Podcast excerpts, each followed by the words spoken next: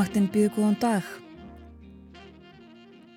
Það er 50 dagur í dag, 20. og 8. september og klukkunum vandar 9 mínútur í sjö.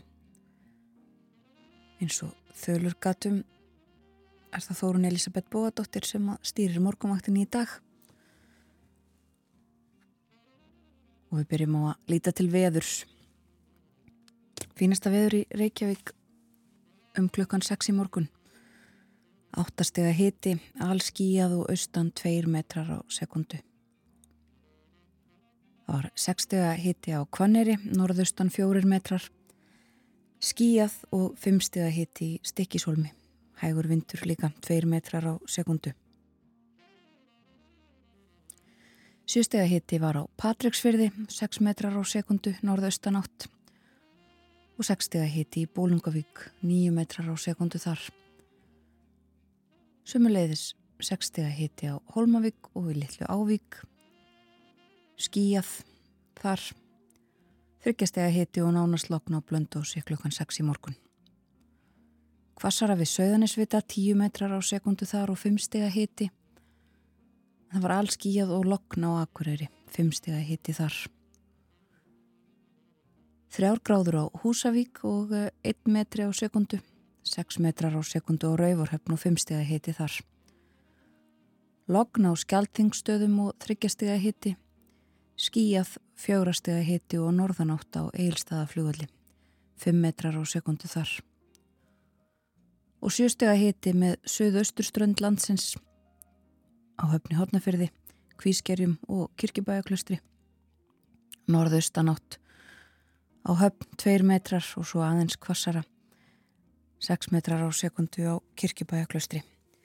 En kvassast á landinu var á Stórhauða í vestmanni um klukkan 6 í morgun. 14 metrar á sekundu og 17 í mestu kviðu. Áttastega hiti og eh, austanátt já. Sjöstega hiti í Árnesi og eh, á hálendinu hitin svona rétt undir og við frostmark. Og þá að horfunum, norðaustanátt í dag 5 til 13, en 13 til 15 á sunnanverðum östfjörðum í kvöld. Víðadáli til væta en byrtir til á söður og vesturlandi og það fyrir að regna á östfjörðum í kvöld. Hitin fjögur til 12 stig að deginum hlýjast á söðvesturlandi. Á morgun hægar í norðanátt fyrir austan og úrkomi minna en annars svipað veður. Og uh, það er lægðakerfi sem að stýrila veðrinu núna. Og það lægir á morgun eins og fyrir segir en svo koma næstu eða skil næstu lægðar upp að landinu á lögardag þegar að líður á lögadagin og þá kemur enn meiri rigning. Það er ímislegt að dags frá morgunvaktarinnar í dag. Við fjöllum um bresk stjórnmál engum í heimsklukkanum sem er á sínum stað eftir frettaði við litið klukkan halv átta. Bóði Ágússon kemur til okkar. Anna Sigurður Ólafsdóttir, professor í næringarfræði, verður líka með okkur eftir frettinnar klukkan átta. Við ætlum að ræða um ímislegt meðal annars um hustið og breytingar á mataræði. Og svo ætlum við að tala um skapandi greinar meirum þetta allt á eftir. Skoðum líka blöð innlend og erlend. Segjum frá nokkrum viðburðum sem að eiga sér staði dag. Og spilum tónlist allt með hefðbundnum hætti á morgumaktin í dag. En já, það er komið höst og við skulum spila fyrsta lægið á morgumaktinni þannan morgunin það fjallar um veðrið eða öllu heldur kannski kvörtun yfir því að fólk tali um veðrið They Only Talk About the Weather heitir þetta lag það er af samnemndri plötu sem að tónlistarkonun Árni Margret Sæfastóttir sendi frá sér í fyrra held ég að ég fari rétt með. Hún samti bæði lægið og textan og með henni þarna eru Sigurður Guðmundsson á bassa og Rúbin Pollock á gítar. Skulum heyra They Only Talk About the Weather.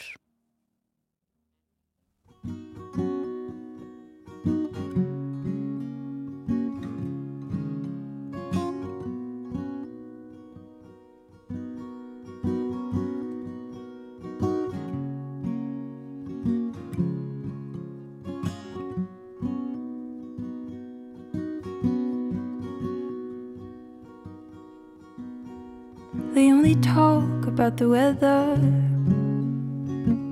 It closes me in.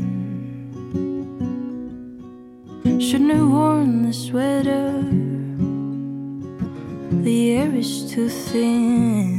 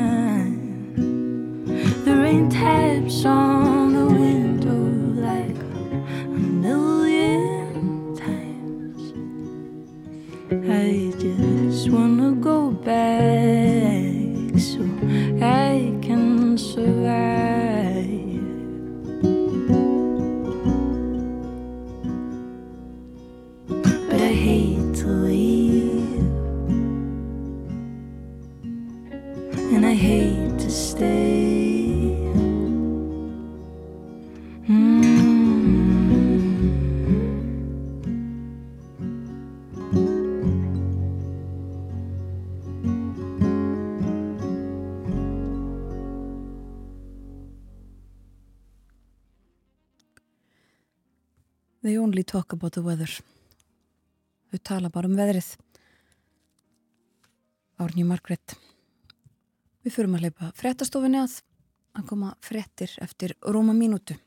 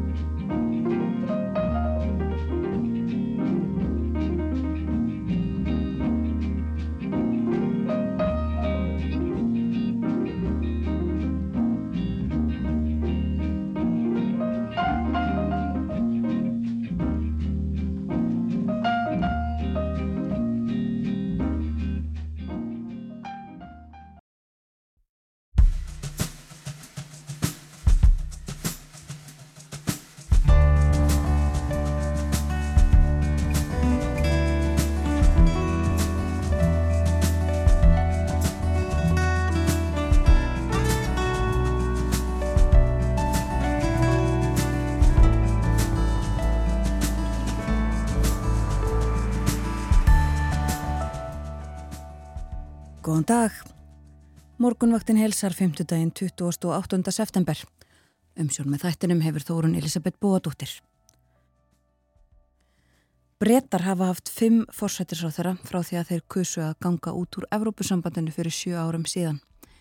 Ný þryggja þátt að serja breska ríkisútarsins um þetta tímabil fyrir á baku tjöldin og byrtir viðtöl og frásagnir fjöldafólks sem að aldrei áður hefur tjáð sig. Bresk stjórnmál er á dagskroni þegar að bóji Ágússon sest við heimsklukkan klukkan halv átta. Anna Sýrjur Ólafsdóttir, professor í næringafræði við Háskóla Íslands verður líka með okkur eftir fréttinnar klukkan átta. Ráðlaður dagskamtur á dagskráni. Og haustið er viðfangsefnið í dag. Haust, mataræði og breytingar sem við gerum á því. Og í vor var komið á laginnar rannsóknarsetri skapandi greina. Því er ætlað að ebla rannsóknir á atvinnulífi menningar og skapandi greina á Íslandi. Í vikunni var svo tilkynnt að Erla Rún Guðmundsdóttir kemur til með að leiða þetta rannsóknarsettur eftir að hafa í nokkuð tíma unni við það sem kallað er menningar tölfræði. Erla Rún verður gestur í síðasta hluta þáttarins.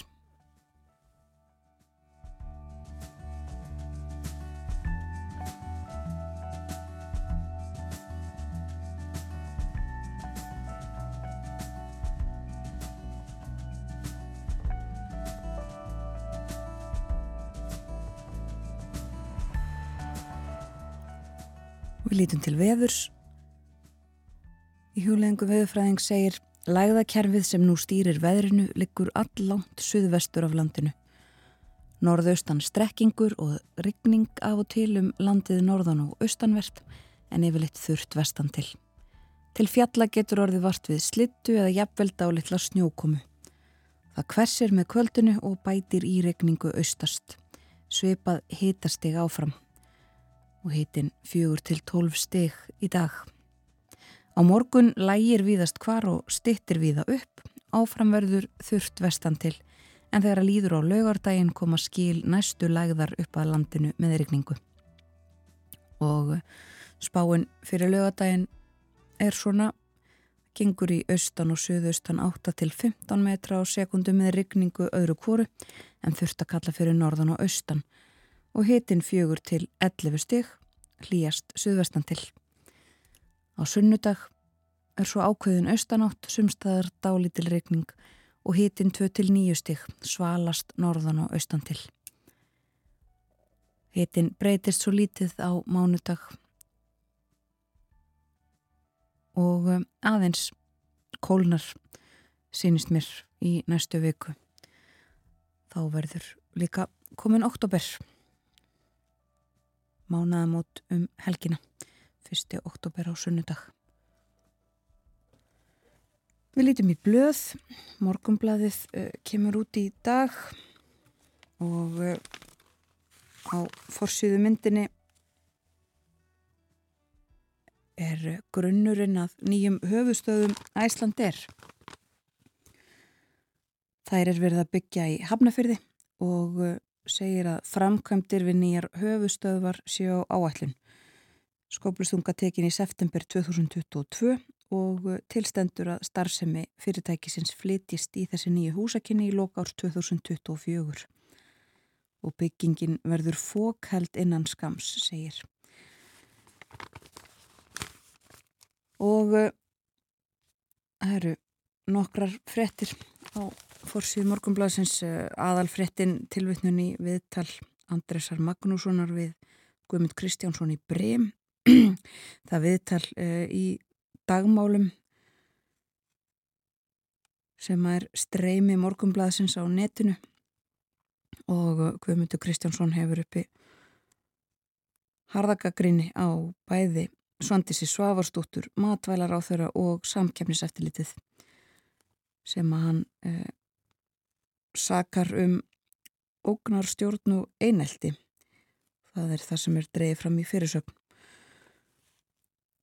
Aðra frettir, uh, það er sagt frá gullleit sem að uh, hefur já, staðið til lengi í Þormóðstall rætt við forstjóra Æsland Resources Þórtísi Björg Sigurbjörnsdóttur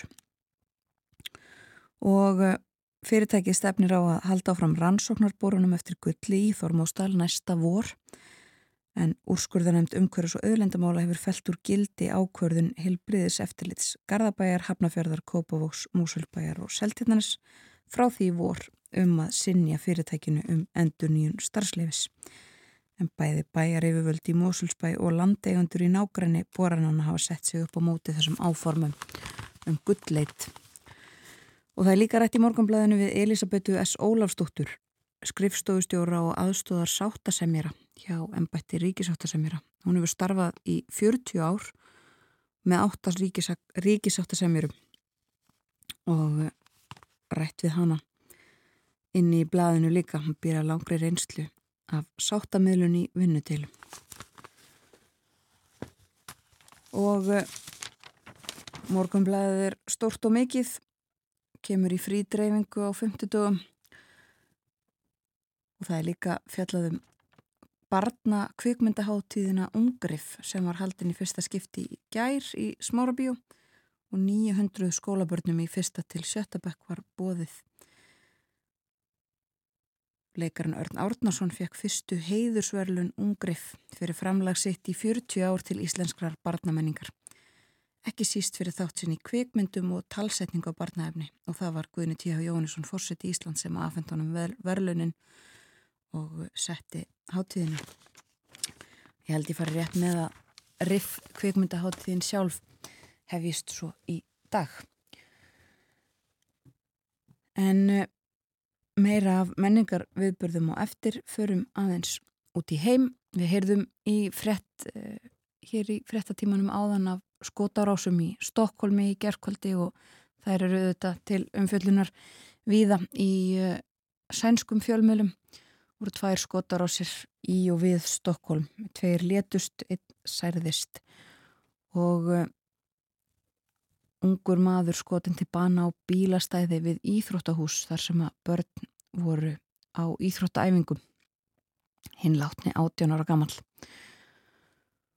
Og uh, það hafa 11 held ég að hafi verið sagt í fréttunum á að nú látist í, í skotarósum í Svíþjóð í september mánuði einum. Mikið fjallaðum þessi mál auðvita í fjölmjölum en það eru önnur mál líka á forsíðunum í Svíþjóð far raman á dagans nýhettir stór mynd, stærðarinnar mynd af uh, mannesku, það er nú ekki greinilegt hver þarna er með hatt og, og uh, svona hlýfðarbúnað í berjatýnslu í Svíþjóð. Og uh, þetta hefur áður verið til umfjöldunar í sænskum fjölmjölum og uh, fjölmjölum annar staðar á Norðurlandunum og það að fólk sérstaklega frá Tælandi uh, starfi í berjatýnslu við bákjör. Fólk komi frá, frá Tælandi og uh, vinni eins og þarna stendur í Vesterbotten 12 tíma á dag fyrir 37 krónur á tíman 37 sænskar krónur uh, eru nú ekki mjög mikil peningur. Það eru innan við 500 íslenskar krónur á klökkutíman en sem fyrir segir líka já umfjöldun mikil um, um þessi Eh, skotárása mál. Í dönskum fjölmjölum eh, framan á politíkan er eh, rætt við samtök yðnaðarins í Danmörku. Þau vilja að Danir segi játakk við kjarnorku. Það er fórsíðu fyrirsögnin á blaðinu og svo líka umfjöllun um uh, þessi áform danskra stjórnvalda um að banna kóranbrennur og það segir hér að eftir mikla gaggrinni þá segir dómsmálaráðanetti Danmörkur nú að uh, þessi þetta frumvarp, þessi áalluðu lög muni ekki komið vekk fyrir að listamenn geti brent krossa eða uh, Davíðstjörnur til dæmis á almannafæri. Við erum að skoða þetta eitthvað nánar og á forsíðun og informasjón í Danmörku er uh, fjallaðum bandarísk málefni, stjórnmálinn í bandaríkjunum, mynd af Joe Biden forsetta sem er í Michigan. talað við og um, um fólk sem vinnur þar í bílaframleyslu en uh, það er einmitt ímis stjórnmál í umfjöldunum bandarískra fjölmela það voru haldnar kappræður í gær uh, frambjöðundur republikana öttu kappi í sjónvars kappræðum en uh, Donald Trump sem að er lang sterkasti frambjóðandin meðal republikana sá sem að nýtur mest fylgis hann var uh, hverki sjáanlegur frekar enn í fyrstu kappræðunum sem að voru haldnar á dögunum en það eru sem sagt sjö önnur sem að vilja verða uh, fórsita frambjóðandi republikana og uh, hann var harlega gaggrindur af þessu fólki hann Trump fyrir að mæta ekki Sumir sagðu að uh, fjárvera hans væri merkjum huglesi og vanhæfni. En fylgi Trumps eikst og verðist engar, engin áhrif hafa ákvarðanir í dómsmálum gegnunum eða neitt slíkt. En stjórnmálinn í Washington líka á forsýðinu á Washington Post þar segir að líkunar á því að eh, það verði lókun, eh, stjórnkerfið lamist og lóki eins og yðurlega eh, er óttast að gerist í bandaríkunum líkunar á því fara vaksandi það er verið að vinna í þessu og hefur verið bæði í efri og neðri deild þingsins fulltrúadeild og öldungadeild en það er hægt að ræða þessu mál og komast að niðurstöðu. Ég held að sé fram á sunnudag mánaða mót. En e, þetta kerfi bandaríkjónum þannig að það þarf alltaf að samþykja fjárlög og, fjárveitingar til þess að hægt sé að halda e, stofnunum stofnunum opnum. En e, svo er það einn frétt frá Þýskalandi sem að ég ætla að nefna uh, sem að er af því að og barst í gær að þjóðverðar ætla að auka við um, eftirlit sitt á landamærum. Þetta er uh, gert segja þeir í, til þess að reyna að stemma stígu við við smiglurum sem að smigla fólki ólöglega á milli landa og til Evrópu þeir ætla að herða á öryggisleit og uh, viðveru lögreglunar á og við landamærin að Pólandi og Tjekklandi. Vil ég komið vekk fyrir það að uh, hægt sé að græða háarfjárhæðir á því að smigla fólki millir landa, sagði innarrikisráþra Þískalands. Það verði að stöðva þá uh, grimmu yðju Segjum þetta gott af erlendum fréttum í byli, förum í sögubækurnar og sjáum það að í dag, 28. Eh, september, eru liðin 85 ár frá fæðingu bandaríska tónlistamannsins Ben E. King. Hann var í sálartónlist og R&B, fyrst í hljómsettinni Drifters og svo sjálfur. Og þekktasta lag hans er líklega það fyrsta sem hann gaf út á soloferlinum. Stand By Me heitir það. Hlustum á Ben E. King.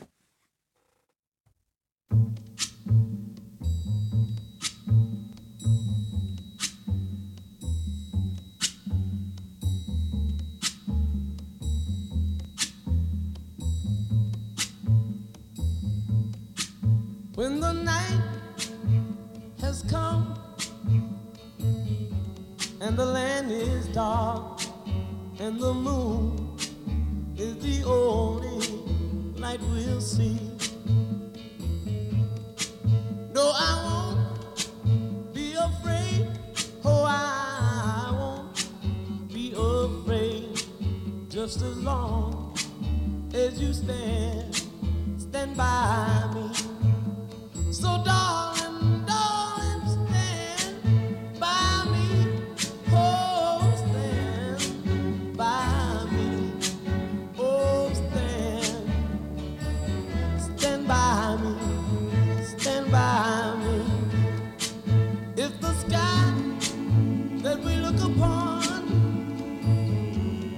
Tumble and fall, or the mountain should crumble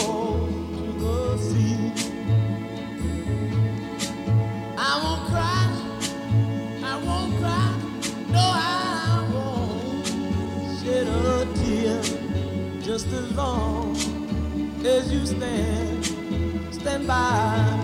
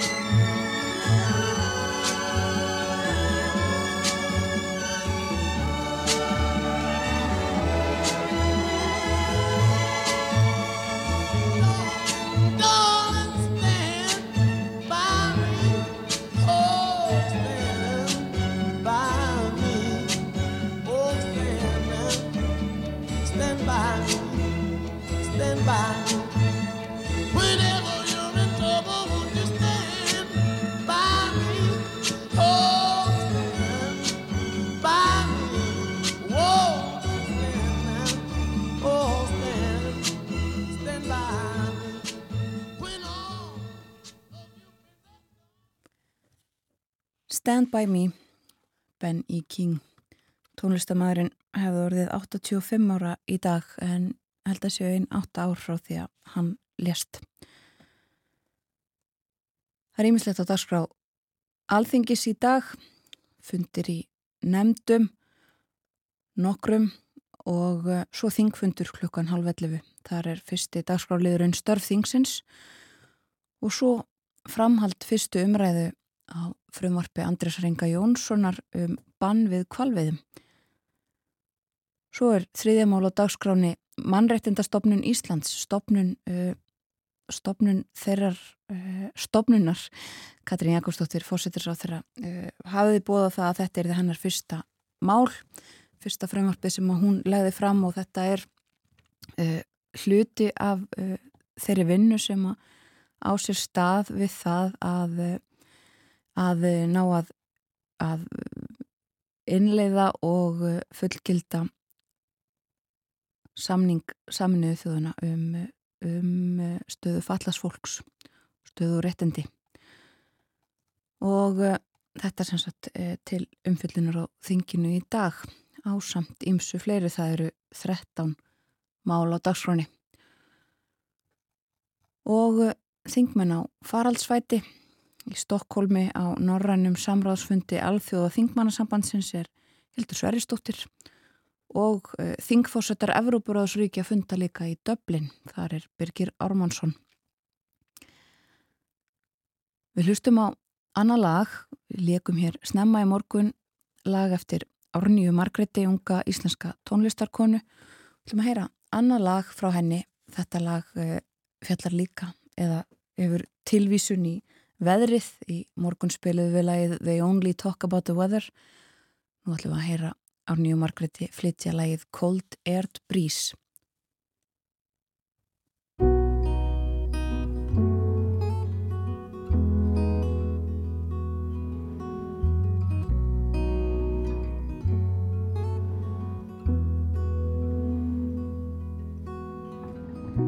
The cold has latched itself to my window.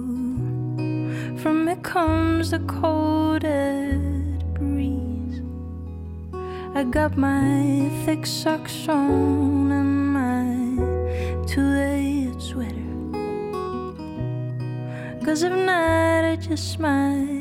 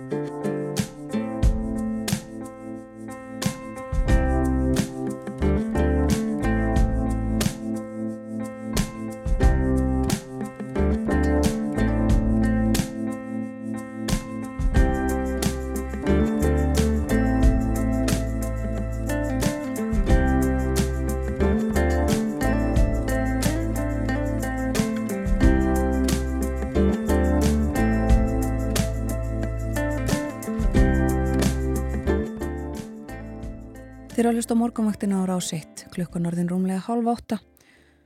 Það er 50 dagur í dag, 20. og 8. september.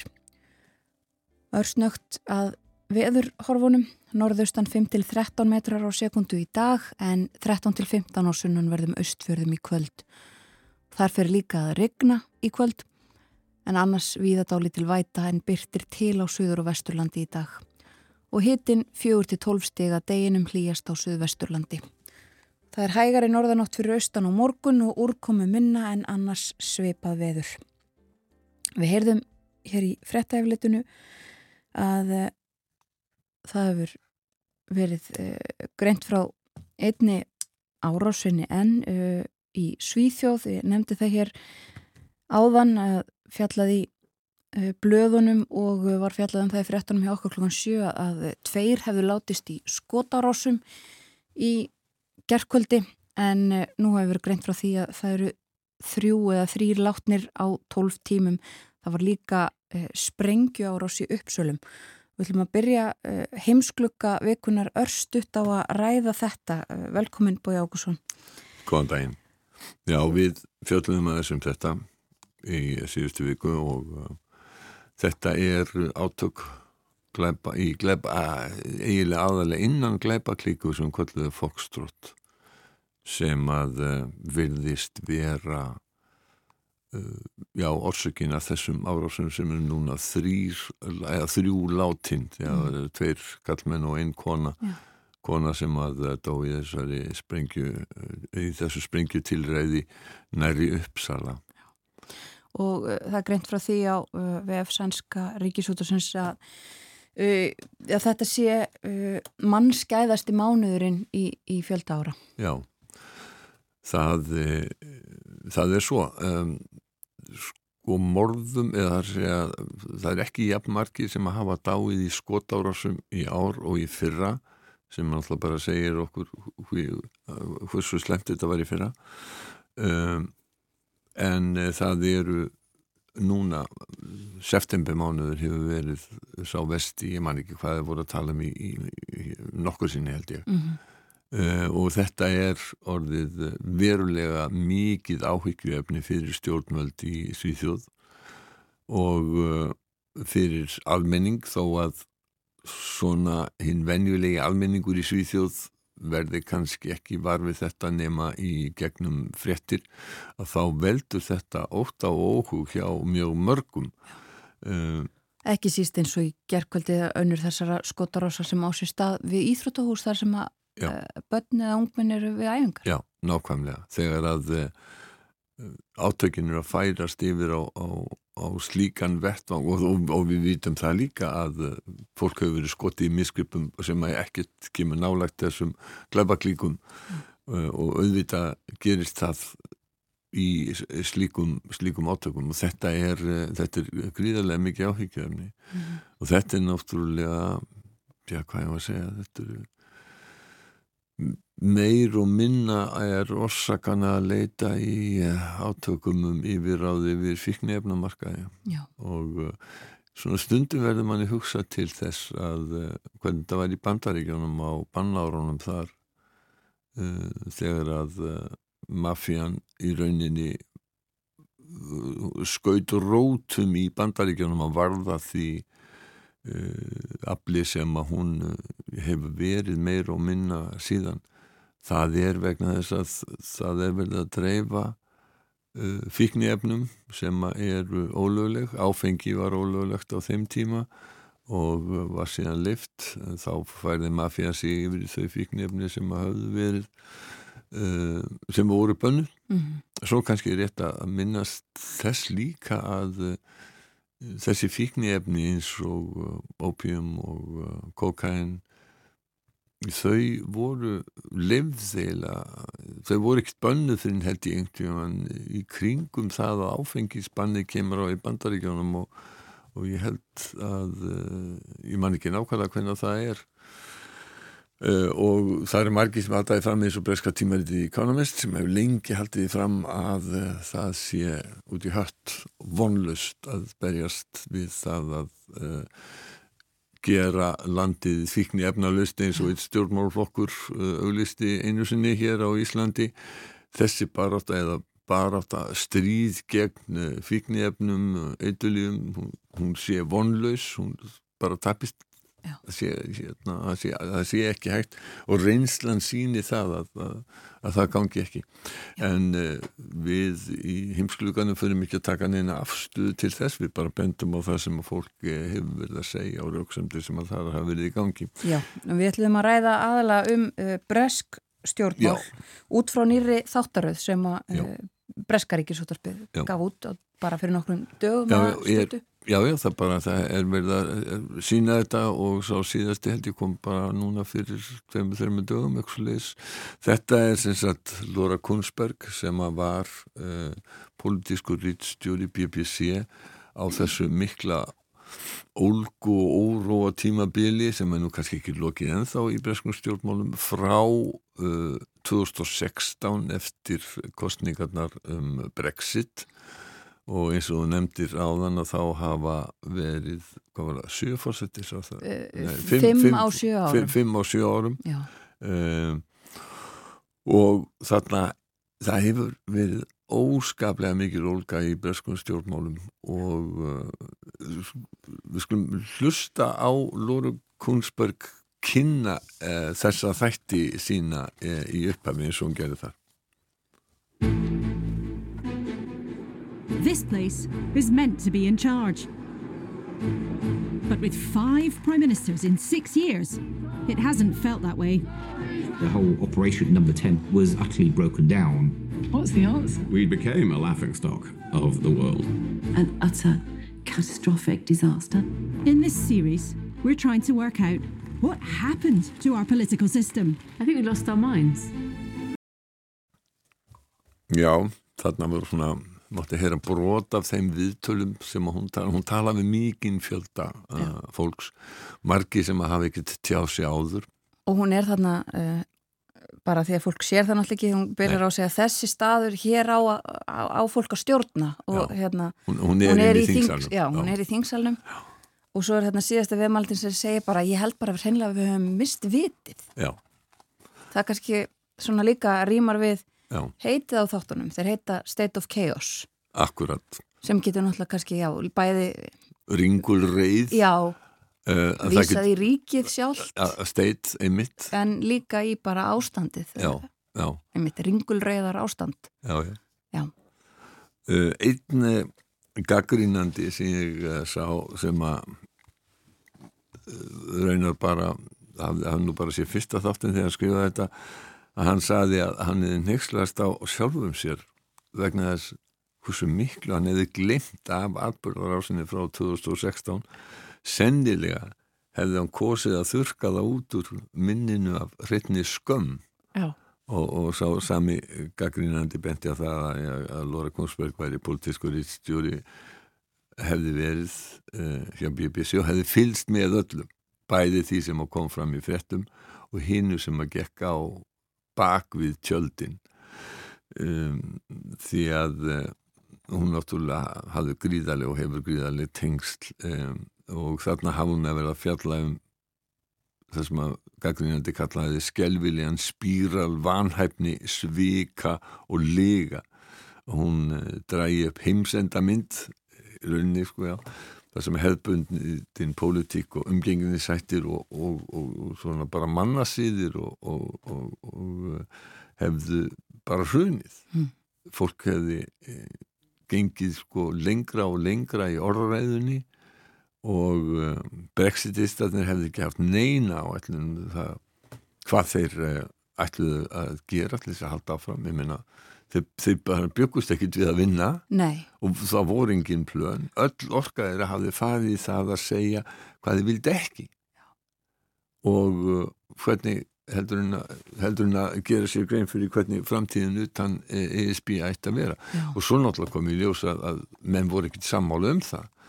Og uh, það sem að tala var um í kostningabarástunni fyrir Brexit nýðustafan raunveruleikin á endanum þegar að breytandi gengu út var allt önnur heldur en að þeir hérna, höfðu, sem að þeir sem voru talsmenn fyrir því að ganga út úr Európa-sambandinu höfðu verið að tala um þetta var miklu það sem við kalluðu harðara brexit á endanum sko. Já, kemur líka fram þarna að sko ekki bara vissu brexit sinnarnir og þeir sem harðast börðust fyrir því að breytar gengi út, þeir vissu ekkit hvað þeir ætlaði að gera ef Nei. það gengi eftir en það kemur líka fram að stjórnsíslan hafi ekkit átt vona og svo hafi heldur ekkit verið tilbúin og ekkert undirbúin og fólk þar hafi bara hreinlega verið miður sín að, eða margir þegar Já, að já. þetta kom á daginn. Ég held að það sé líka alveg rétt sem að brexit-tíðanir hafa sagt sko allt kerfið, establishmenti þar að segja stjórnkerfið og ráðuneytin og uh, helstu leiðtóri stjórnmála þeir, þeir voru á mótu þessu, fannst þetta bara tómþvæla, en það má svo sem segja að það hafi komið í ljós því að þetta hefur kostað breyta, já, menn ætla kannski 4-5% samdrátt í, í þjóðatekjum fyrir utan þær gríðalegu deilur sem að hafa verið uppi innan fjölskyldna jável þetta hefur sko þetta sár sem að sennilega græð seint eh, hjá Brittónum mm. og fyrir utan það að þeir, þetta hefur kostað þá líka um, sko að samband þeirra og sambúð við Grandríki eh, jável Írland og að maður tannu ekki um Frakland og Þískaland það hefur vestnað gríðarlega og uh, það hefur svona aðeins skánað rétt upp á síðkastið uh, og það er svona ákveðin ástæðu fyrir því til dæmis að, að Rissi Súnag núverandi fórsættis á að hann er gefn herskár hvorki í tali nýja í framgöngu og, og þeir sem að voru á undan honum um, uh, voru sko. En í þessari þáttarið þá kemur í ljós sko hvernig ríkistjórnir í hans flokksins um, það er gróf undan sjálfur sér í innanbúðar átökum, tortrygni hatri jafnvel í gard kervisins og viðtekina venja og, og það, aftur sko þá, þá verður að tala um sko orðræðan. Hún verður sífelt rótækari, heftuðuri óvægnari og að samfélagsmiðlar knýja það áfram. Það virðist vera sem að sko samfélagsmiðlar hafi tilneyingu til þess að svona útiloka umburðalindi leita í það sem að verður róttakast og óvagnast. Uh, og þessi gaggrínandi sem ég var að vitna í uh, hann sagði líka sko að, að og þetta er, það er upp úr fyrsta þættinum að það hefði komið sér á óvart eða það sem hefði mest komið sér óvart hafi ekki verið það Boris Johnson hann krefðist, krefðist þess að drottningin ræki í þingi heim svo hann geti knúið fram stefnu sína um að, um úrsögn úr ESB ánsamnings á þess að ráðgastu þingi sem sett heldur hvernig hægri sinnaði fjölmiðlar þeir stuttan algjörlega í þessu sem er komið í ljóð síðar að var stjórnaskrárubrot og síðan í því að svífir það þá hæstarétta dómara sem að hváðu upp þann úrskur og, og var beinlýnis sko kallað á svikara. Uh, þannig heftin uh, er, er, er, er svo, svo, svo gríðarlega mikil í þessu sko. En uh, svo kemur í ljós náttúrulega líka að í þeim þætti sem fjallanum Johnson og þá það rifið upp ímislegt sko hvernig sko gerðir hans eh, og eh, orðræða vinnubróð kæruleysi allt í kringum að það er rauninni algjörlega furðulegt að þjóð sem er, það sem er meðin 60 miljónir manna skuli hafa valið sér að leiðtóa mann eins og Boris Johnson sem að uh, var vitað fyrir uh, hvaða mann hann hafði að geima mm. sko samstafsmenn hans margir og þingflokkurinn hann vissi alveg hvað hérna hvaða maður þetta var, hann var búin að gegna ennbætti utaríkisáþur og hafði verið alveg gessanlega vonleis í því að í því ennbætti og riðið að það einhvern veginn upp Andrew Neil Eh, sem var eh, rýtstjóri með minni telegraf hjá eh, þegar að bæði hann og sem Marx Hastings mm. sekfræðingur og blamaður og rýttöfundur þeir hafðu verið yfirmenn Johnsons og báðir áður en að var valinn fórsættisáður að varað við því. Andrew Neil sagði sko að hann hann hefði enga einbeitingar hefilega, hann færi úr einu efni í, í annað án þess að klára hlutina og, og Níl sagði að Johnson væri svíkull, fláráður og óheðalegur sem Max Hastings sagði hérna mjög svipaða sögu sko. Uh, hann, hann sagði áður en að Johnson var fósættis á þeirra að það, það vantaði ekki að Johnson væri stór skemmtilegur. uh, og sérmynandi en hann væri skemmtikraftur sem væri algjörlega óhæfur til þess að gegna ofenbæra ennbætti því hann hugsa aldrei um neitt annað en sjálfa sig. Já og þarna kemur líka fram í þessum þáttum um mitt, eða kannski rifjað upp, það hefði kannski komið fram áður að það hafi verið já, innan meðal hans helsta samstarfsfólk strax á fyrstu dögunum bara hafi verið komnur upp miklar efasemtir tala við Dominic Cummings sem var svona hans æðsti og helsti ráðgjafi fyrstum sinn mm -hmm. Uh, sem að talaði um það að það hefði jú bara verið eiginlega uppi áformum að losna við hann. Já, já, það var eiginlega frá fyrsta degi, Já. hann hefði verið sko, hann hefði verið svona ágættur í því að, að leiða uh, Brexit baráttuna en hann væri bara ekki, ekki nógu góð til þess að ve- vera fórsættisáþara Já, sko þetta eh, allt sko nú skulum við taka fram tvent sem að menn hafa sagt Boris Johnson til varnar.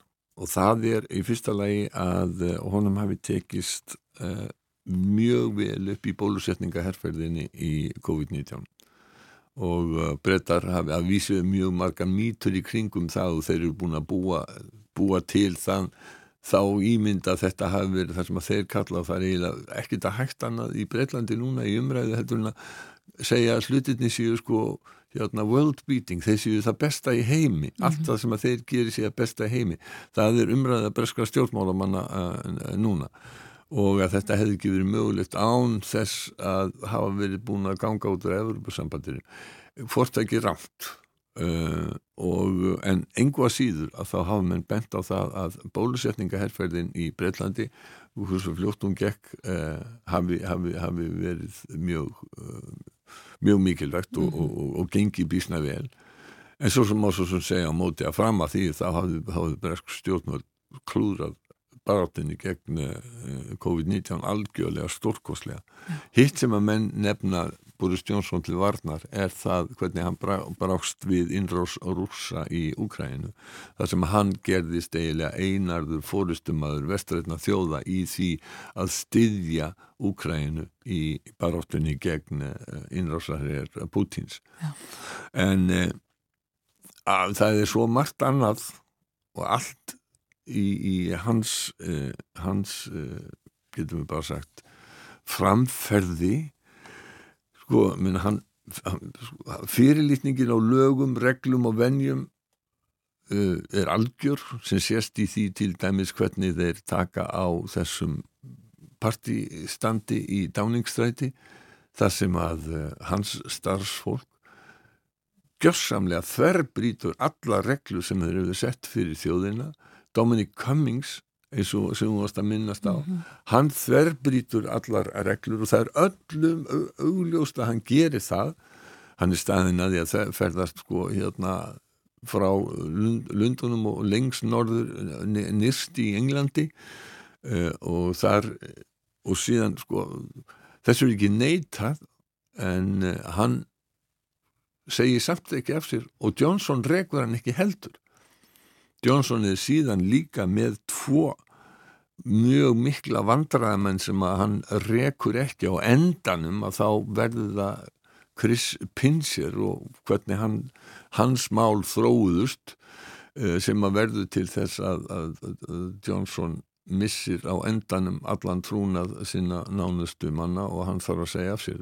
Rifjum það örstutu. Já, Pinsir var, var aðstofur utanrikisráð þeirra uh, og hann var skipaður 2020 og uh, þetta háðulega Pinsir á einsku þýði klípari í rauninni sko, eða þreifari eða eitthvað sliðis og hann var, hafði verið sakaður um það að, að vera að káfa á, á mönnum sem voru samstagsmenn hans og á börum fullur og eitthvað og, og uh, þegar þetta mál kemur upp þá uh, segir uh, Boris Johnson að hann hafi aldrei vitað um þetta þegar að það þegar að því kemur að málið er, er komið í, í umræðu og en svo bara kemur í ljós þetta að þvæla. Það fór fram rannsókn uh, áður en hann var skipaður sem aðstofar á þeirra í utanrikiðsraðundinu og Johnson var sagt frá því. Þannig að þarna er Johnson staðinn að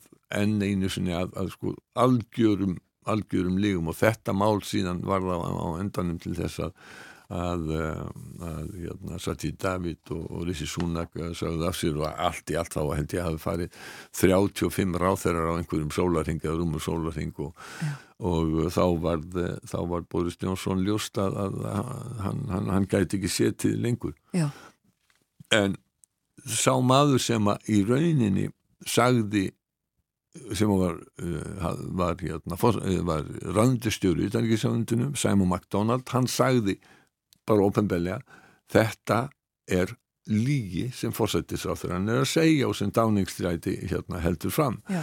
En hann var spurður í lók þessar þáttar, þessar þáttar raðar hvað honum fyndist um kerfið og hann segir, hann er jákvæður, hann segir sko á endanum að þá er það kerfið sem að ræður við þetta og losnar við þessi, hérna, þessa menn sem ekki áttu, áttu, hérna, áttu að vera í ennbættum. But the key, the key with prime ministers that were out of sympathy with the country, that were going too far, the key is the British system was able to deal with them. And in very short order, dispatched two people who it deemed were not up to the job of Prime Minister. So the British system, in the end, worked. Breska kerfið það virkaði á, á endanu segir hann og, og þegar hann tala um þessar tvo sem að kerfið losaði sér við og þá er það náttúrulega Boris Johnson og svo Liz Truss. Við höfum ekki tíma til þess að fara ofan í það er náttúrulega sko, því lík skelving svo saga öllum um hvernig uh, Liz Truss uh, var uh, og einhvað heyra hvað hérna skulum heyra hérna hvað Laura Kunzberg sagði um það And at the end of it all, the party, perhaps the country, feels exhausted by the drama, sick of the adrenaline, but unsure, wondering where the method was in all that madness. If you hadn't seen it with your own eyes, you might not believe it happened at all. Ef þú hefur ekki séð hvað gekk á á þessum árum með eigin augum, þá myndur ekki trúa að þetta hefði gæst og ég mæli fyrir allt áhuga fólk um sérstaklega um bresk stjórnmál um stjórnmál almennt uh, með því að fylgjast með þessum þáttum. Þetta, það má finna þess að þætti á, á YouTube, þeir eru allir komin inn á YouTube held ég. Já. og uh, þetta er mjög vel gert, rætt við mikinn fjölda fólks og mikið af tilvitnunum og óskaplega mikil vinna á bakvið þetta og þannig að þetta er, er, er besta mál. Ég ætla aðeins að fá að bóða það sem við kannski tölum um í næstu viku það er að það eru núna 80 ár frá því að 7000 dönskum gýðingum var bjargaði villi svíþjóð og rétt þennan þýsku herna og síðuvöldin ætla að handtaka þau og flytja í fangabúður næstu viku.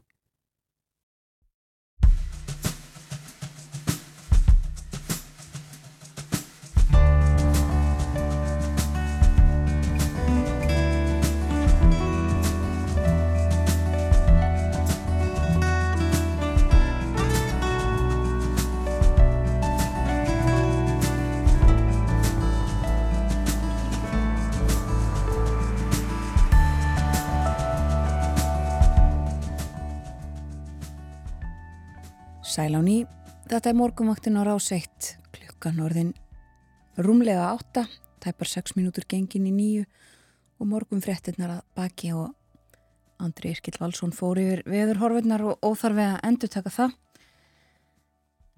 En ég minni á það hér á eftir, uh, ætlum að ræðum skapandi greinar. Erla Rún Guðmundsdóttir er uh, ný skipaður verkefnastjóri nýs rannsóknarseturs skapandi greina. Það eru háskólanir margir sem að standa meðal annars að stofnun þessa seturs og ætlunin að fá betri mynd á það uh, og, og betri upplýsingar um, um atvinnulíf, menningar og skapandi greina á Íslandi. En hér áðan var hjá okkur Bói Ágúrsson, heimsklukkin á sínum stað uh, á morgumvaktinni. Við rættum aðalega um bresk stjórnmól og við viljum að halda okkur í Breitlandi næstu mínúturnar. Nú er komið að ráðlögum dagskamti. Hingaði komin Anna Sigurður Ólafsdóttir, professor í næringafræði við Háskóla Íslands. Góðan dag. Góðan dagi. Já, við ætlum að halda okkur aðeins í Breitlandi. Eh, þú varst að koma þaðan. Ég var að koma þaðan úr vinnuferð, samstagsverkefni sem við erum að undirbúa í tengslum við mat í leik og grunnskólum og, og upplifinar í tengslum við mat.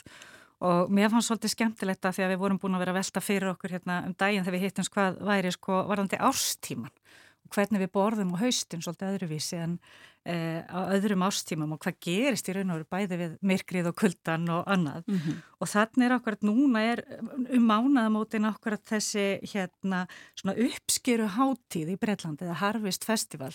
Og það er gert mjög mikið úr þessu í meðal annarskólum og skólan sem ég var að heimsækja sem er í Washington í Lincoln, nálat Lincoln að, að það er skólastjóri sem er bara hann sagt, lifir fyrir að bóða er einhverju hvað, hvað matur skiptir miklu máli. Það er að e, ala börnin í sínum skóla sem eru frá fjagra til 11 ára upp í því að, að matur sé bara hluti af öllu námi.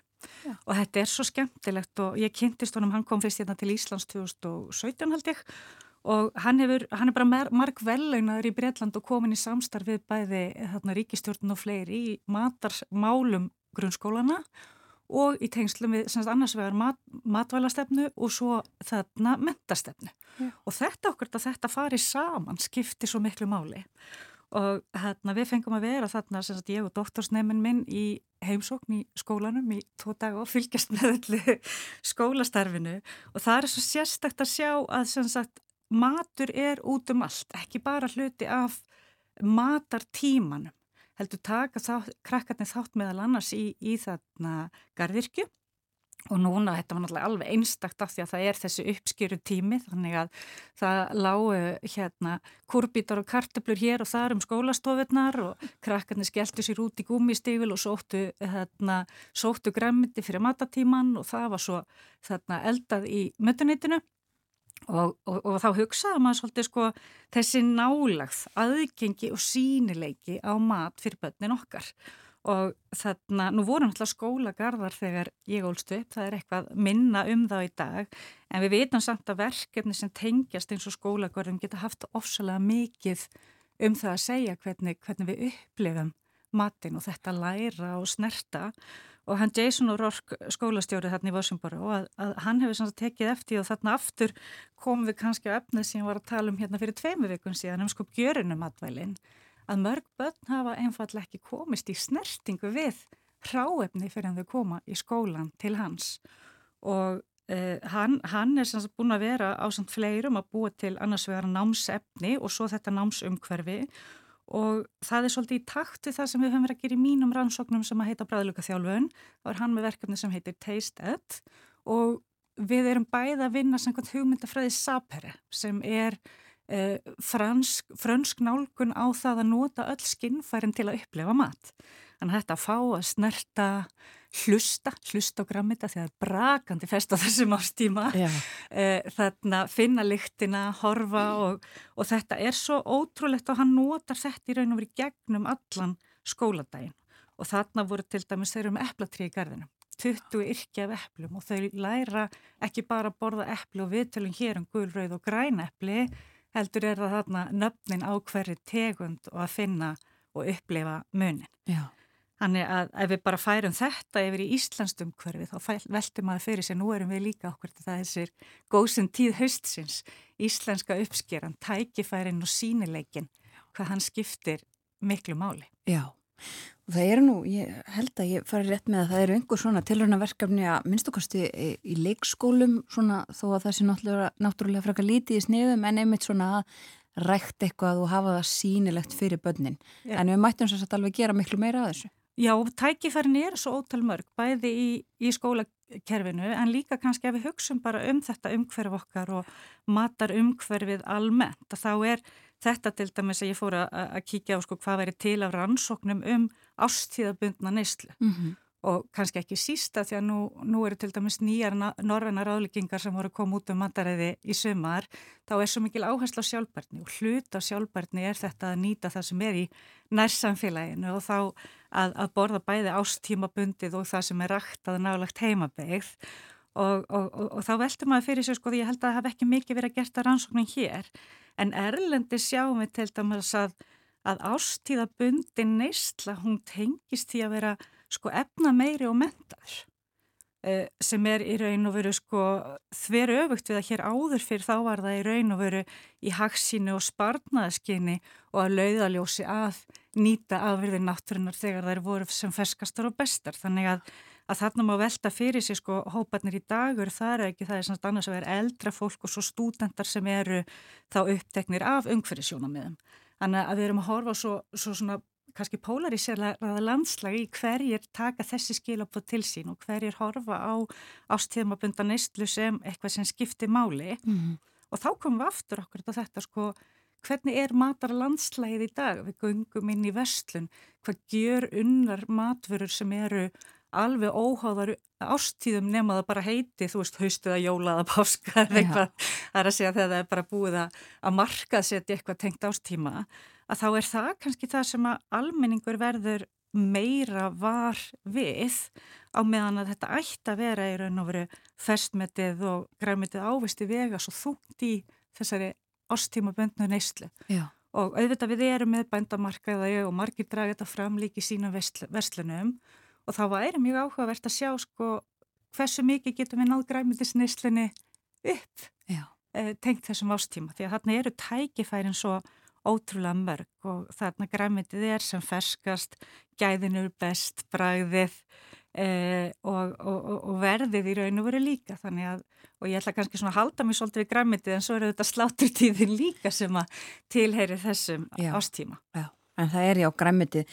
Svo er það auðvitað líka, myndið svo segir sko, uh, svona maturinn sem er hægt að fá bara eins allan ásins ring og er ekkit, já þú nefndir einmitt svona gjö, gjörunu matvælinn, en það er auðvitað líka orðin rosalega breyting í því að það er hægt, það er líka margt ávöxtur og græmitið sko ekki hér á Íslandi kannski en sem kemur hingað sem að er ræktað allan ásins ring, en það er samt ennþá þannig að það eru einhverjir tímar þar sem er svona náttúrulega uppskera já, og besti já. tímin fyrir. Og það er eitthvað sem getur skipt máli bæðið með tilleiti til fersksleika og bræðs og eiginleika matvörunar.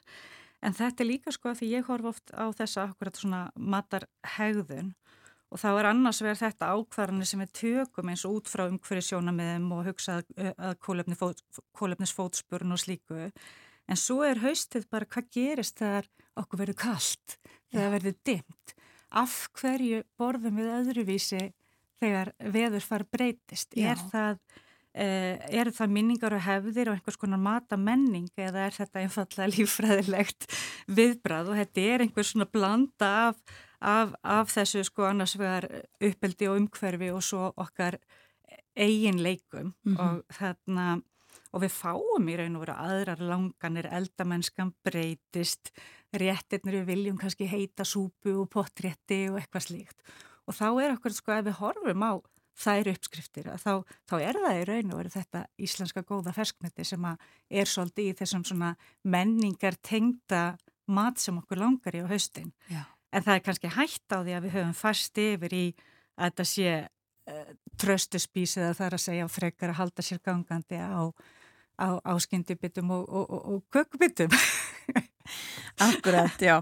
En þannig að þetta er, þetta er ekki bara svona tilfinningin okkar að þegar það fer að uh, vera orðið dimt á kvöldmatatíma þá langar okkur bara að kveika kjartum og einmitt vera búin að matla einhverja súpu eða potrétt í oft svona langan tíma. Það er ekki bara einhver svona tilfinning, þetta er líka eitthvað bara í okkur, eins og segir, þetta er eitthvað bland. Og mér finnst mjög áhugavert sko að því að ég er svona skanni við fréttinnar aður ég kem og hitti og velti fyrir mig hvað er í gangi í samfélaginu. Og ein af fréttunum á, á síðunni hjá ykkur að rúfa er akkurat um hérna háþrýsting sem hinn þögla hérna silent killer. Já, og, þarna, og það er akkurat mjög áhugavert að ef maður horfir á það að þá er líka sko að þarna að, að blóðþrýstingur hækkar þegar kólnar og yfir veturinn. Og hann er með ástífa bundnar sveiblur þannig að, að, að í raun og veru bara það eitt og sér ef við horfum á í sko forvarnaskinni af því að e, og, og ástæðan þarna fyrir sælenkillir er að við fylgjumst ofta ekki nógu vel með e, blóðþrýstingunum hjá okkur en háþrýstingur getur valdi hjart og aðersjúkdóminn sem eru í raun og veru árið 2010 var þetta þriðjungur allra döðsfalla í heiminum. Þannig að, að þetta er eitthvað sem við þurfum að vera vakandi fyrir. Að þá, þá er í raun og veru það eru ástíðasveplur vegna í raun og veru kuldans en líka svo þessara lífsháta sem fylgja haustinu. Þannig að það er svolítið mikið tilefni til þess að, að huga sérstaklega að lífsháttunum á haustin. Já ekki bara okkur að sko, við erum kannski heppina þegar við dettum í rútínuna ég vil nú reyna að hafa jákvæðni glerugun á nefinu já, já. að þá sko, það er margt gott sem fylgir út í haustins, krakkarnir eru komnir í skólan og, og svo framvegist, þannig að við erum svona kannski, þú veist, getum sett okkur ramma, en það er þá að búa þarna til þessa heilbriðu ramma. Og þarna aftur komum við inn á þetta sama, við þurfum fyrst og fremst að minka saltið sem eru þá gjörunum matvælinn aftur, auka neysla og græmyndu áherstum og, og ferskmeti og svo almennt bara fjölbreytni í mat og til dæmis að mun eftir fisknum og D-vitamínu og D-vitamínu er líka eitthvað svona sem að var ástíðabundu hjá okkur í ráðleikingum. Það er að segja að við tókum alltaf, það var alltaf ráðlegt að taka lísið annan D-vitamin gefa yfir vetratíman. Já. Í dag eru ráðleikingarnar að það er að gera þetta allt árið en við sjáum að það er ekki nema þetta með að við síðustu landskonum þá er rétt rúmlega helmingur sem tekur daglega fæðubótarefni með D-vitamíni sem er samt að í raun og veru eina fæðubótarefni sem við þurfum til viðbótara því að það er ekki hægt að ná nægumagnu úr matnum. Þeir sem bara fá D-vitamin og matnum er um það bila ná einum þriðja af ráðlegan dagskamti Já. og það er ekki nema til dæmis líka helmingur um sex ára batna sem er að taka D-vitamin og þetta er gríðarlega mikilvægt fyrir ekki bara beinþéttina heldur heilsuna í heild. Þannig að þarna til dæmis bara koma sér þá inn í rútinu núna og taka svo ekki suma frí frá henni Já. næsta sumar.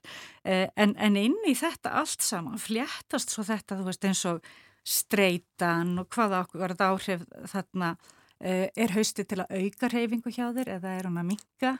Þannig að, að, að það er einhvern veginn árstíðabreitingar er oft við erum kannski meðvitaðir um eins og í janúar fara allir á stað með einhver svona taka til hjá sér Já. haustið í raun og veru svona er það stundum en ekki alltaf mér finnst eins og haustið að við hugsanlega orðið svona meiri svona streitu og öðru heldur en að því að, að, því að það, þá er það komaðir aftur í rútinuna það er kannski einhverju leiti flóknara að taka svona þetta skref þetta breytist Já. nú veit ég ekki samt þetta haust núna og náttúrulega við búið að vera svo myllt að við erum ekki kannski farin að horfa fram á þetta, haustréttið er ekki alveg komið, Nei. en það er að vera þá, vera, vera viðbúin.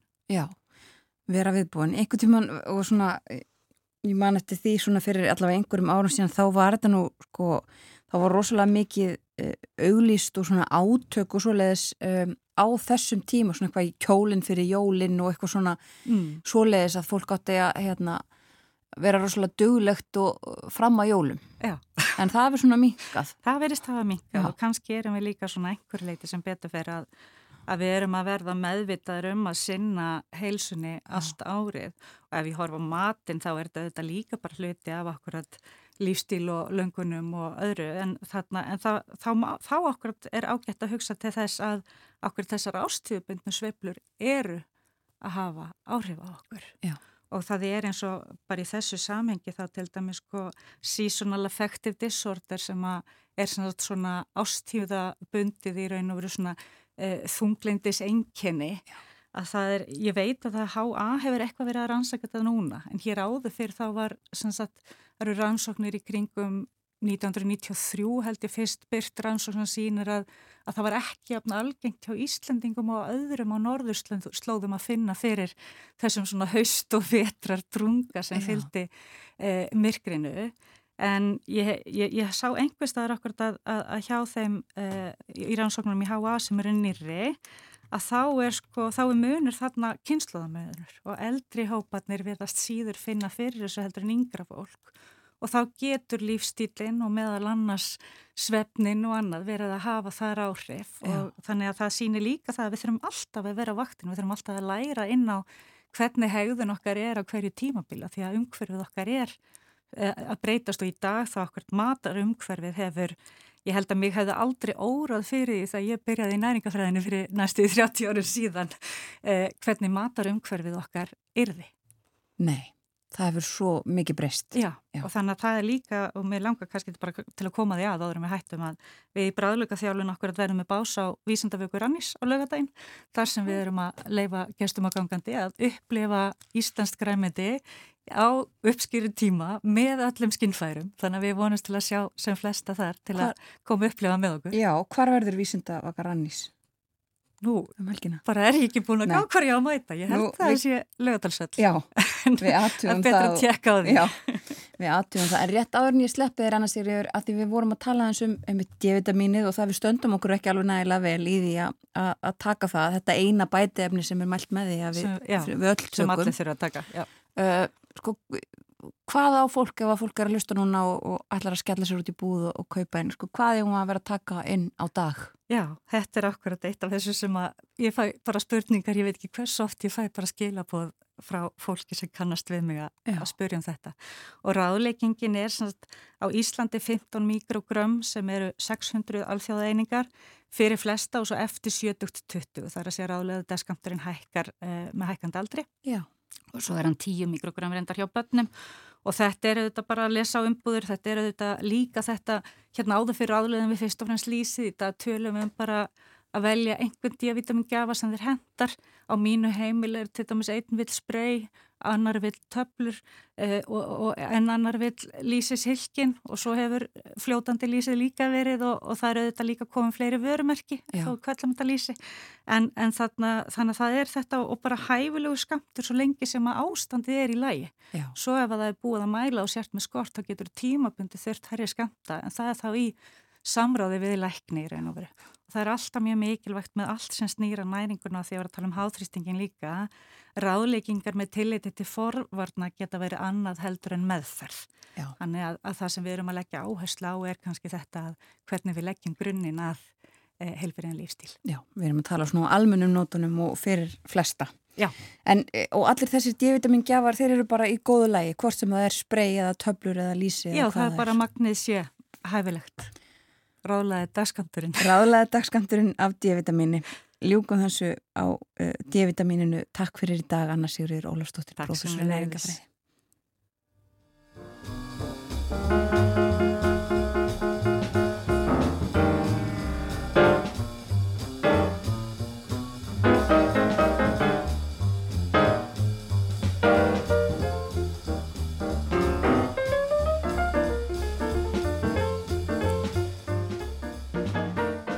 Anna Sigurður Ólafsdóttir er með okkur á 50 dugum í haust, ráðlaður dagskamtur á dagskráni á morgunvaktinni. Og við fórum yfir ímislegt í dag, sérstaklega svona haustið, eh, haust mataræði uppskeru tíma og haustinu fylgir líka skamdegið og þá þurfum við að huga D-vitamininu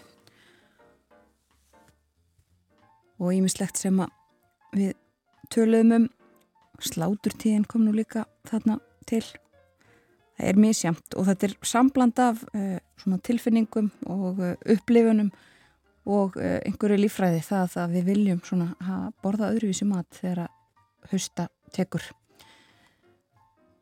Ég minna það að eftir frettæfilitið þá verður hér á morgunvaktinni Erla Rún Guðmundsdóttir. Hún er nýráðin verkefnastjóri rannsóknarseturs skapandi greina og það stendur til að, ebla rannsóknir á atvinnulífi menningar og eh, atvinnulífi skapandi greina hér á landi. Meirum þetta eftir nokkra mínútur. Fyrst hleypum við frettastofinni að með yfirlitt morgunfretta.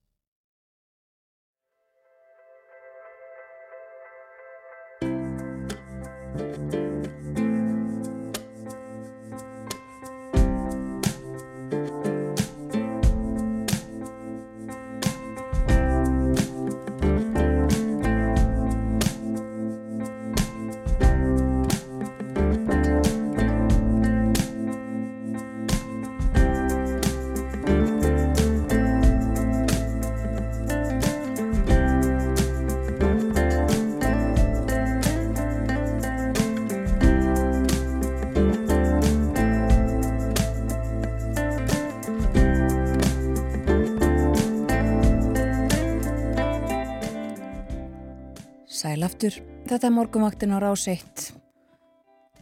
Klukkan orðin liðlega hálf nýju á femtu degi, það er 28. september í dag.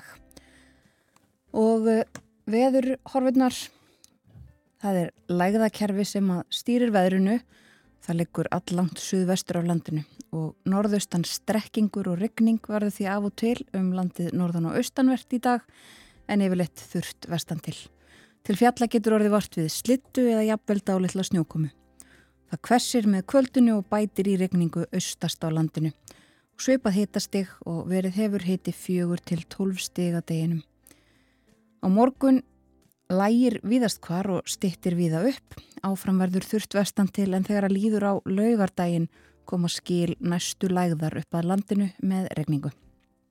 Og það verður regning öru kvoru á laugadag en þurft að kalla fyrir norðun og austan austan og söðaustan átt og eh, á sunnudag þegar að nýr mánuður helsar þá verður ákveðin austan átt og sumstaðar dáli til regning. Hitin þá 2 til 9 stig og það verður svalast norðan og austan til á landinu. Fyrir frettafilitið var hjá okkur Anna Sigurður Ólafsdóttir, professor í næringarfræði við Háskóla Íslands. Hún er reglulegur gestur okkar í haust á 50 og eh, er með ráðlaðan dagskamt af ímsu sem við kemur næringu, næringafræði og næringu okkar. Í dag rættum við um haustið. Og fyrir morgun var Bói Ágússon hér við rættum sérstaklega um e, nýja þáttaserju í Breska ríkissútorpinu sem að fjallar um e, síðustu sjö ár í Breskum stjórnmálum. Það er e, Lóra Kunsberg sem er og var lengst af á þessum tíma yfir pólitískum frettum Breska ríkisútarsins sem að gerir þessa þætti og, og skegnist bak við tjöldin og talar við fjöldafólks í stjórnsýslu og stjórnmálum sem að ekki hefur áður tjáð sig um þetta tímabil. Merkilegir þættir sem að bóji mælti með og hægt er að finna á YouTube. En í síðasta hlutu þáttarins ætlum við að beina sjónum okkar að skapandi greinum, að menningunni Í vor var komið á lakirna rannsóknarsetri skapandi greina og því er ætlað að efla rannsóknir á atvinnulífi menningar og skapandi greina. Og fyrir þessari viku var tilkynnt að Erla Rún Guðmundsdóttir kemur til með að leiða þetta rannsóknarsetur. Hún hefur uh, unnið í þó nokkur tíma við það sem kallað er menningar tölfræði og hún er komin til okkar á morgumvaktina. Góðan dag og velkomin. Góðan dag, takk fyrir. Uh, til hamingi með þetta nýja starf. Takk fyrir. Þetta rannsóknarsetur er nýtt af nálinni, var sett á stopni vor eins og ég myndist á. Uh, segð okkur fyrst bara á, frá hugmyndina á bakvið. Þetta er uh, í raun búið að vera, uh, búin að vera hugmyndan sér lengi. Um, það var sem sagt, kom skýrsta alveg 2011 um, um sem sem hagaran áhrif menningar og skapnið greina voru kortlaðar. Emitt og uh, í framhaldinu uh, var sett á stofn rannsóknar miðstöði Háskóla Íslands um, og svo kom þarna 2018 loksins fjármagnin til Hagstofunar til þess að taka utanum þessa tölfræði uh, af meiri krafti. Og, og þar var ég sem sagt ráðin inn í, í þá nýju stöðu sem sérfræðingur í menningartölfræði. Og þá hófst uh, mikil vinna við að, að móta hvernig við gætum náð utanum menning og skapategreinar sem atvinnuveg Um, við horfum til erlendra fyrirmynda að sjálfsögðu og, og áttum svo gott samtal við notendur og í þeirri vinnu uh, kom líka bara betur og betur í ljós að það væri ekki alveg nóg að það kemur tölur. Það þyrti líka að einhver að geta tekið við þeim og svona rindaðins betur í þær og koma með dýbri greiningar og annars konar rannsóknir á uh, þessum bransa. Þannig að það svona þróast smátt og smátt frá þá 2018-19 þar til að e, í fyrra 2022 var sem sagt undirbúningsstjórn fyrir stopnum þessa seturs e, sem að e, vann öturlega því að gefa út skýrslu sem væri þá hægt að byggja á við stopnum setursins og, og þar eru við í dag, höfum þessa flottu skýrslu til að byggja á og, og tilstendur að móta rannsóknar stefnu og einhvers konar umgjörð þetta um þjónusturansóknir um, og, og svona finna okkar stað í, í, í framhaldinu. Já, og það eru uh, háskólar, það er háskólin á Befuröst, háskólin á Akureyri, Listaháskóli Íslands, háskólin á Hólum og háskóli Íslands sem að stopna þetta setur. Það passar. Og uh, háskólin á Befuröst heldur utanum þetta Já. og þessi skýsla sem þú nefndir uh, það er hérna uh, sköpunarkrafturinn orkugjafi 2001. aldar er það ekki rétt um mér? Jú, jú, það passar og uh, skulum tala eins um þessa skýslu og inni allt hennar kannski á eftir en þú myndist á það, já, bakgrunnurinn þinn þú kemur uh, í þetta verkefni frá hagstofunni mm -hmm. og hefur verið að tal, taka auðvunum menningar tölfræði um, ég veit ekki alveg hvort að kannski allir áttir sig á því sko, hvað nákvæmlega er á baku menningar tölfræði Nei. er það bara, einmitt, tölfræðin hvað marga mæta margir á, á tónleika eða í leikús eða, eða hvað er svona þarna undir? Í svona sögulegu samhengi og, og það sem talaðum kannski sem hefðbundna menningar tölfræði er einmitt þetta, það eru svona svolítið talningar á uh, frambóði og eftirspurn að uh, menningar viðburðum og menningar um, uh, húsum eða stopnunum mm -hmm. um, en það hefur verið undanfærin svona 20 ár alltaf aukin áhersla sérstaklega erlendis á því að sagt, greina betur hlutdeilt menningar og skapandi greina í svona hagkerfinu Já. að horfa á þessa hagrænu hlýða því að auðvitað er þetta greiðilega mikilvægur atvinnumögur og við sjáum það alveg í tölum hagstofunar um, þannig að menningartölfræðin í dag nær þá líka utanum þann þátt sem er að reyna að uh, búa til ramma utanum um, svona hagræn áhrif eða umsvið menningar og skapandi greina og, og hversu margir starfa við þetta, mm. hvað eru marg fyrirtæki, hvernig eru fyrirtækin og vinnumarkaðurinn, er hann frábröðin uh, öðru og, og annað slíkt? Og við höfum til dæmis séð svona það sem að fólk hefur alltaf grunað að það eru miklu fleiri sjálfstætt starfandi innan menningar og skapandi greina heldur en almennt á vinnumarkaði.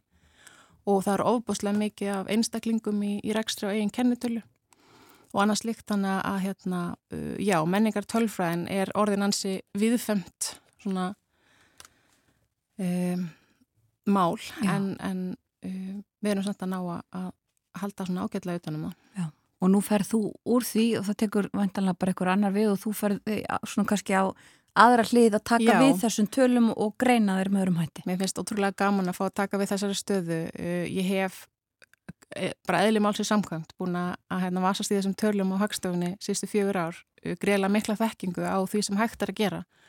Og, og hef sjálf tala fyrir því að það þurfi mitt einhver svona annar kannski að, að hafa mögulegan á því að taka við þessum gögnum og, og rína í það sem við getum ekki greint í tölunum. Og við sáum það til dæmis í, í talinni efnum kvikmyndabransan.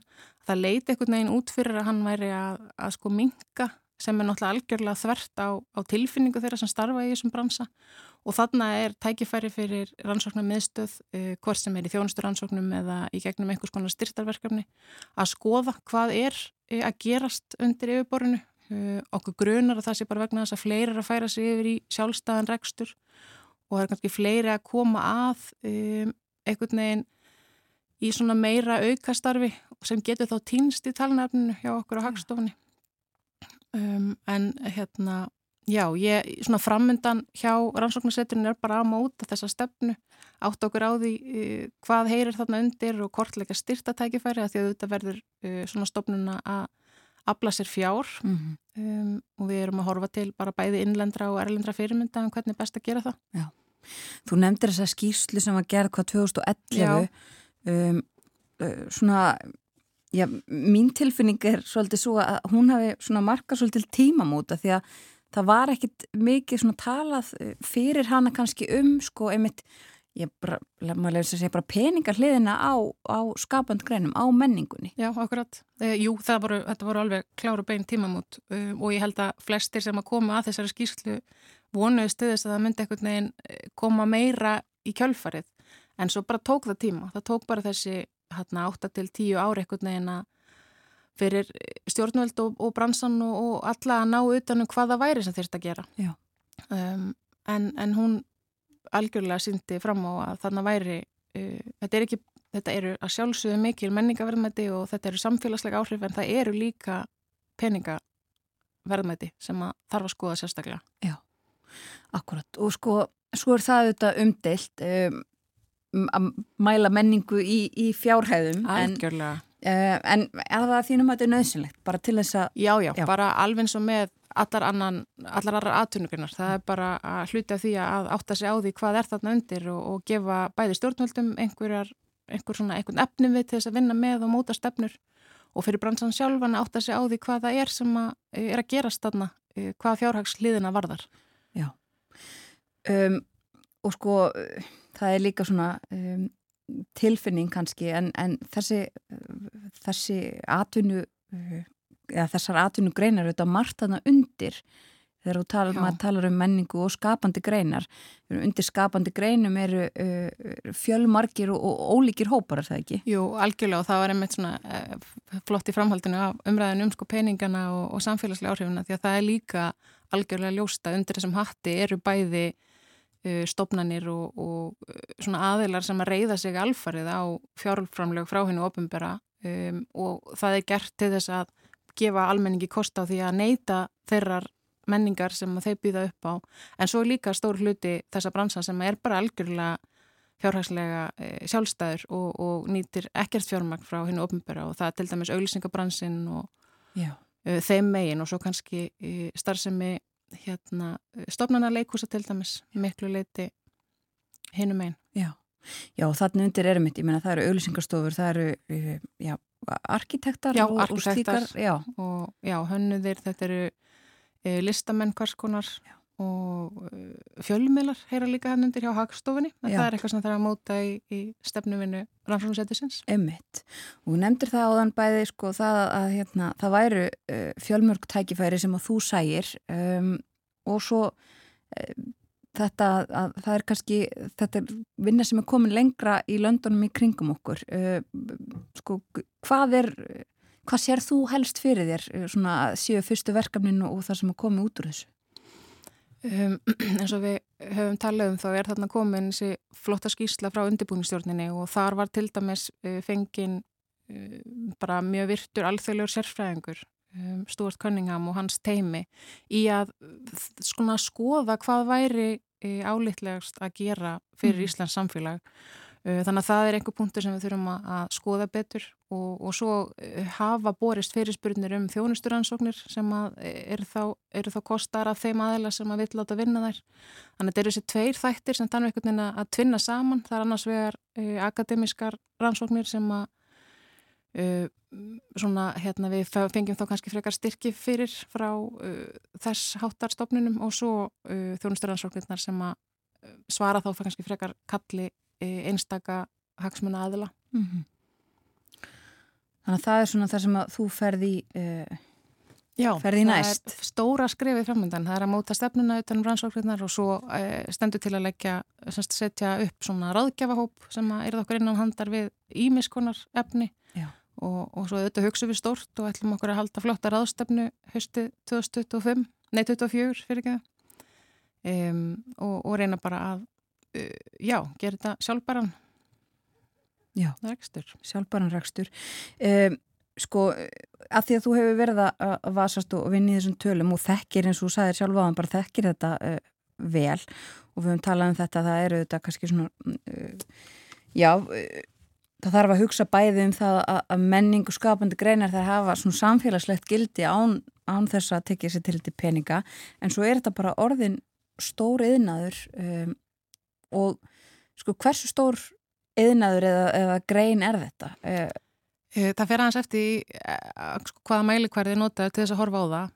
Í tölum um starfandi þá sjáum við að þeir sem að hafa sagt, aðalstarf mm -hmm. inn í menninga og skapndagreinum það eru 6,4% af heldarfjölda starfandi og ef við tökum aukastörfun með þá er það orðið aðeins herra því það eru þetta, þetta er akkurat svona bransið að fullta fólki sem er að vinna svona einhverju leiti akkurat. en er kannski með aðalstafri öðru. Ef við hins vegar horfum á rekstratekjur uh, þá er þetta lagra hlutfall. Uh, ég er ekki með prósendundar á hreinu en þetta er svona, þetta er svona hérna, einn þriðji kannski að ferðarþjónustunni hvað rekstratekju var þar En svo er myndið að þú nefnir ferðarþjónustuna þá er nú líka oft verið nefnt að menning og skapandi greinar hafa nú aldrei áhrif þar inn líka. Það Það, það er alveg, áhrif á það að fólk vilji koma hingað. Einmitt, og það er alveg, við vitum alveg það og með senn á hagstofunni að það sem að telst undir innkennandi greinar farðarþjónustunar er að einhverju leiti uh, sömu greinar og við myndum telja undir menning og skapandi greinum og það kannski svona, skýrast í kollirum með mér til dæmis bara starf sem er sapna Já. og svona menningar uh, hérna, arfs eða þannig, uh, rekstur bygginga og slíks staða sem að ferðamenn sækja mikið. Já Einmitt. Takk fyrir að koma til okkar á morgumaktina Erlarún Guðmundsdóttir hjá Rannsóknarsetri Skapandi greina. Það verið spennandi að fylgjast með þessu. Takk fyrir þetta. Og við ætlum að ljúka spjalli okkar Erlu um þetta á uh, lægi eftir mannesku sem man kannski má segja að sé uh, einn nýjasta útflutningsafur í Ísland. Það er tónlistakonan Laufvei sem að slæðir hlustunar með þessa dagana á heimsvísu. Lægið hennar Lovesick. Floorboards creaking in my home, deathly silence when alone.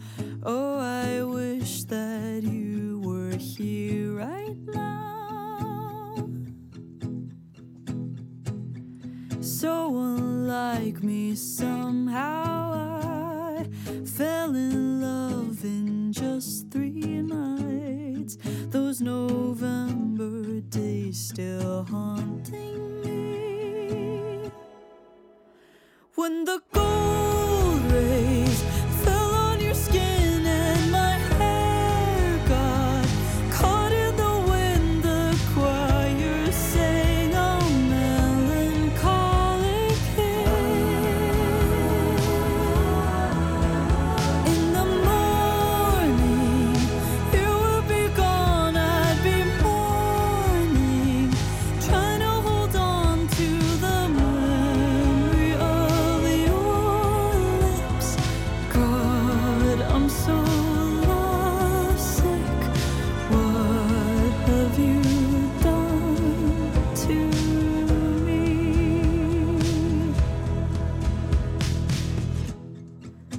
me in your atmosphere, inching closer, but I fear that I'll love so much you'll slip away.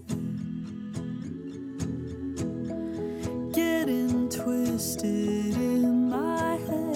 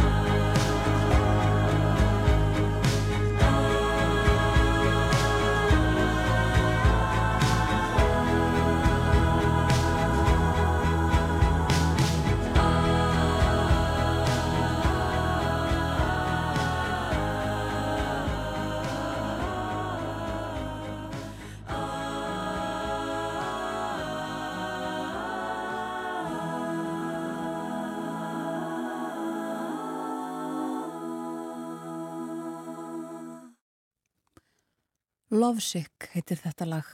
Íslenska tónlistakonan Laufey. Þetta er af nýjustu plötunni hennar sem kom út fyrir í þessum mánuði. Platan heitir Bewitched og uh, sló met á streymisveitinu Spotify strax á fyrsta degi. Henni var streymt 5,7 miljón sinnum á útgáfadeginum og það var nýtt met á Spotify í flokki jazz tónlistar Fyrra metið átti platan Love for Sale sem að Lady Gaga og Tony Bennett gáfu út fyrir tveimur árum síðan. En Laufey uh, sló það met uh, með miklum yfirbyrðum. Og uh, þetta leikum við í kjálfar spjallsokkar um skapandi greinar og menningu hér á morgumaktinni. Erla Rún Guðmundsdóttir er nýr verkefnastjóri, nýs rannsóknarseturs skapandi greina sem að búið er að koma á laginnar. Fimm háskólar sem að eiga aðild að því og uh, nú tekum við vinna við það að, ákveða hvað er næst á dagskráni, hvað þarf að skoða og halda utanum. En markmiðið með setrunu er að ebla rannsóknir á atvinnulífi menningar og skapandi greina hér á landi. Og uh, meira af menningu í uh, listasafni Reykjavíkur er bæði fræðslu og skemmti kvöld á 50 dögum í haust uh, undir yfirskriftinni er þetta list? Og þar verður tekin fyrir samtíma list og uh, fyrsta kvöldið í kvöld. Og uh, markmiðið að auðvelda gestum að njóta myndlistar á eigin fórsendum þar sem er kafað á bakvið mögulegar ástæður fyrir því af hverju myndlist samtímans er eins og hún er og það er hægt að skrá sig á vefsíðu sapsins Sumuleiðis, fymtudagurinn langi haldinn og uh, leiðsögn á kjærvalstöðum um síninguna Kjærval og 20. öldin þegar að nútíminn lagði að það er Edda Haldurstóttir síningastjóri og verkefnastjóri á kjærvalstöðum sem að uh, fer yfir þetta og það er opið til tíu á kvöldin síðasta 50. mánuðarins bæði í listasafninu í Hafnarhúsi og á kjærvalstöðum og það er líka fjöldi annara safna og síningastaða tilvalið að bregða sér af bæ og skoða fjölbryttar listasýningar segir í tilkynningu frá uh, listasafninu. Og meira af list um, það hefst í dag riff alþjóðleg kvikmyndaháttíð og við sagðum frá því fyrir morguna að það hefði verið ung riff sett í fyrsta sinn riff uh, háttíðin svo frá og með deginum í dag og eh, henni líkur sunnudaginn 8. oktober mjög fjölbreytt dagskrá um, á riff háttíðinni eins og yðurlega þessu fyrir að ljúka hjá okkur hér á morgumaktinni í dag við höfum komið víða við eh, rættum snemma í morgunum bresk stjórnmál og aðeins um ástandið í Svíþjóðlíkt og við gerðum fyrir viku síðan í heimsklukkanum með bóða águsinni Það eru þrjú látin eftir uh, tvær skotarósir og eina eitt sprengju tilræði í Svíþjóð í, í gerkvöld og í nótt. Og þetta tengist uh, þessari vargöld, uh, þessari, þessum deilum innan glæpagengis í Svíþjóð. Deilur um yfiráð yfir fíknefna markaði aðalega. Svo rættum við um næringarfræði, um mat, um við önnu Sigriði Ólafsdóttur professorinn æringafræði, hún er með okkur reglulega á 50 dögum í höst og svo núna síðast skapandi greinar og menning. Og þá kannski rétt að minna á það e, í lókþáttarins að það er búið að afstýra verkfalli hljóðfara-leikara sinfoníuljómsutarinnar það átti að hefjast í dag og e, búið að afstýra því búið að ná samningum. Það þýðir að það verða sinfoníutónleikar uh, á dagskrára ásarætt í kvöld. En morgunvaktin verður ekki lengri í dag en aftur á sínum stað í fyrramálið. Njótiði dagsins og verðið sæl